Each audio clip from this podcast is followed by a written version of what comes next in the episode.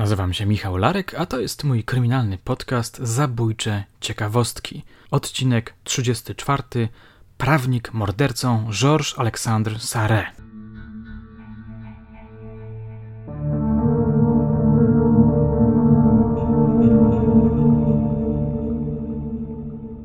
Moje drogie, moi drodzy, oto ostatni już odcinek z serii Zabójcze Ciekawostki, z którą wystartowałem 6 stycznia tego roku. Ta seria, będąca głównie kryminalną prasówką, bazująca przede wszystkim na gazetach z dwudziestolecia międzywojennego, sprawiła, że w przyspieszonym tempie poznałem dużo ciekawych spraw, mniej lub bardziej rozbudowanych. Niektóre z nich staną się kanwą dłuższych, standardowych odcinków w przyszłości. Nie wiem jak dla Was, ale dla mnie była to niezwykle pouczająca seria. Pouczająca, ale też niezwykle wyczerpująca. Ten cotygodniowy rytm był zaiste zabójczy. Niestety nie jestem w stanie go utrzymać, dlatego muszę zrezygnować z owej serii. Wybaczcie. Dziękuję Wam za uwagę, za maile, za komentarze, linki, pomysły, inspiracje itd. Tak itd. Tak z całą pewnością w taki czy inny sposób wszystko to spożytkuję. Co chcę Wam dzisiaj zaprezentować na koniec? Zacznę od historii, którą podesłał mi Jakub.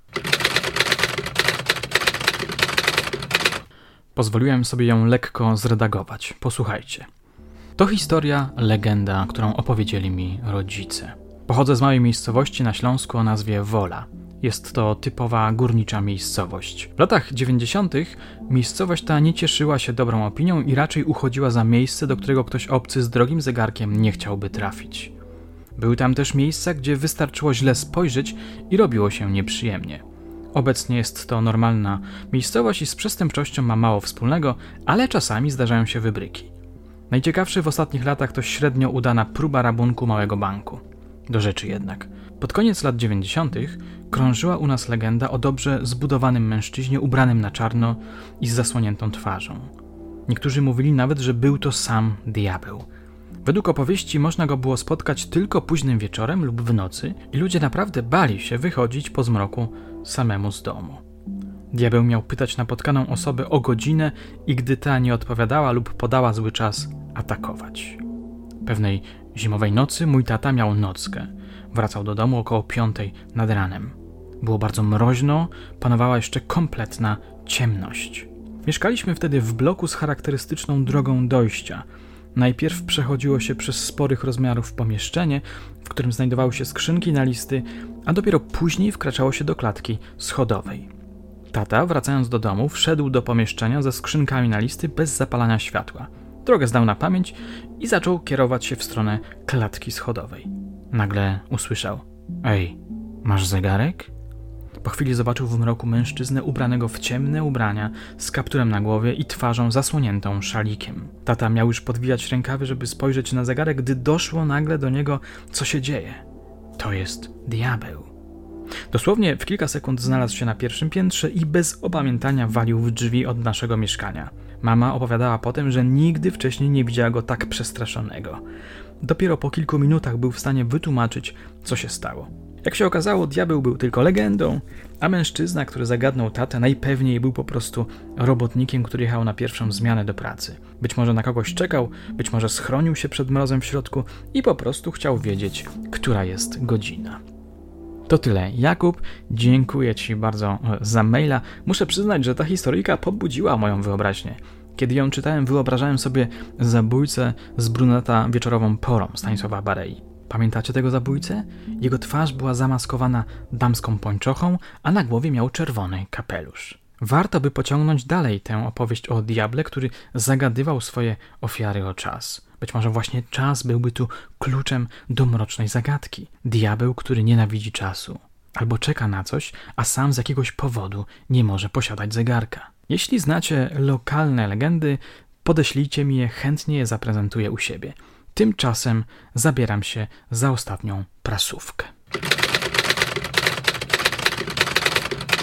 Oto przerażająca historia, którą znalazłem w ilustrowanym kurierze codziennym. Za jakiś czas wrócę do niej w formie osobnego, dłuższego podcastu, zapewne w serii retro. Bardziej cyniczny niż Landru.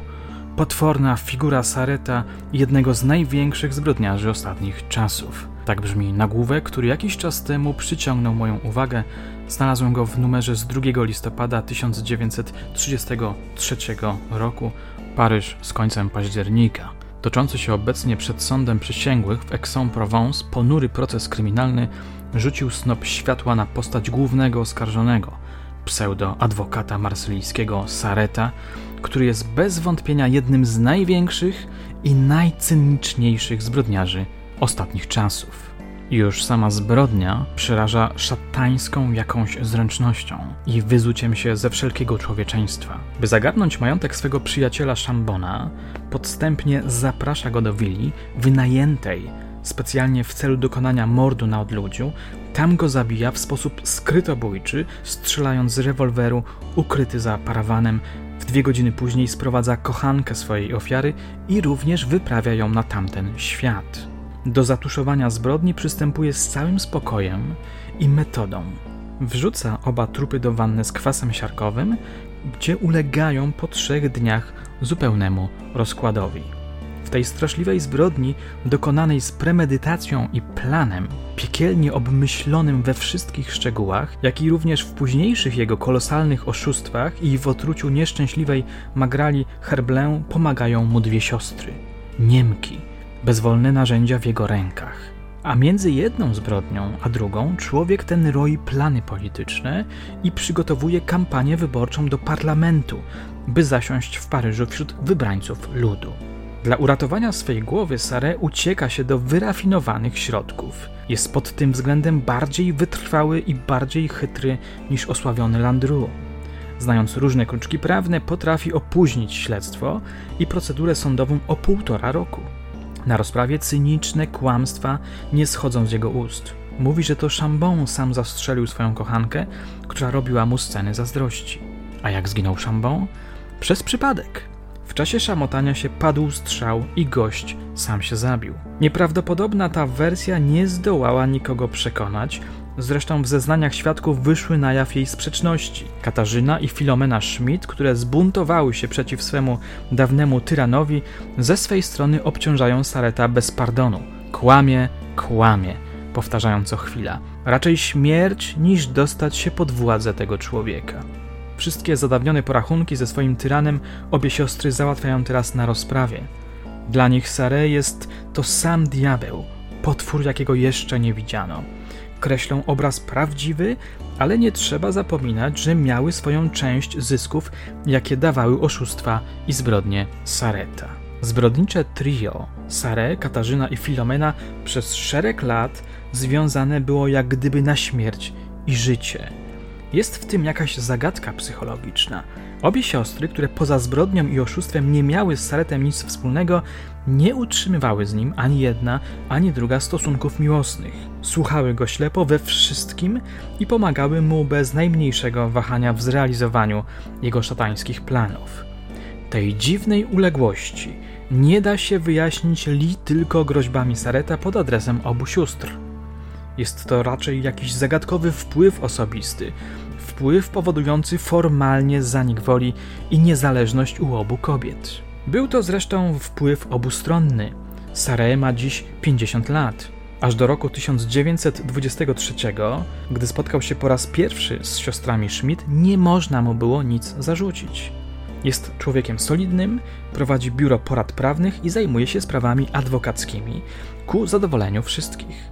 Żaden z klientów nie może mu zarzucić najmniejszej nieuczciwości. Od chwili, gdy Sare poznał obie Niemki, życie jego jest już tylko pasmem oszustw i zbrodni. Ale to nie wszystko. Obie siostry, również do chwili zaznajomienia się z Saretem, wyglądają na kobiety uczciwe, pracowite i oszczędne. Zmieniają się zupełnie od czasu, gdy Sare zjawił się na ich drodze życiowej. Porzucają wtedy swój zawód krawiecki i oddają się rozpuście, kupują dom publiczny, nie mówiąc już o stałej gotowości do usług we wszystkich zbrodniczych planach.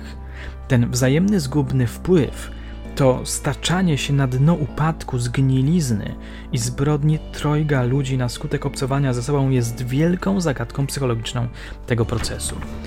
Innego rzędu zagadka, czy też tylko dziwny zbieg okoliczności stanowi fakt, że na kilka miesięcy przed wykryciem zbrodni Sareta i jego wspólniczek wyszła we Francji powieść Le Femme éperdue Raymonda de Rienzi, opisująca podobną zupełnie historię z podobną zbrodnią, w której kwas siarkowy odgrywa znaczną rolę. Książka ta ukazała się w roku 1931, gdy zbrodnie Sareta nie były jeszcze znane, to też o wzorowaniu się na aktualności kryminalnej nie może być tutaj mowy. W ten sposób, podczas gdy zbrodniarze, sądzeni obecnie przez sąd, przygotowywali i wykonywali swoje tajemne, straszliwe mordy z roku 1925, literat mieszkający w Paryżu obmyślił podobną historię jako osnowę dla swej powieści. Tutaj urywam zajawkę tej wstrząsającej historii. Tak jak powiedziałem, za jakiś czas wrócę do niej w obszerniejszym materiale. Zabójcze ciekawostki dobiegły końca. Dziękuję Wam za wspólną przygodę. Do usłyszenia.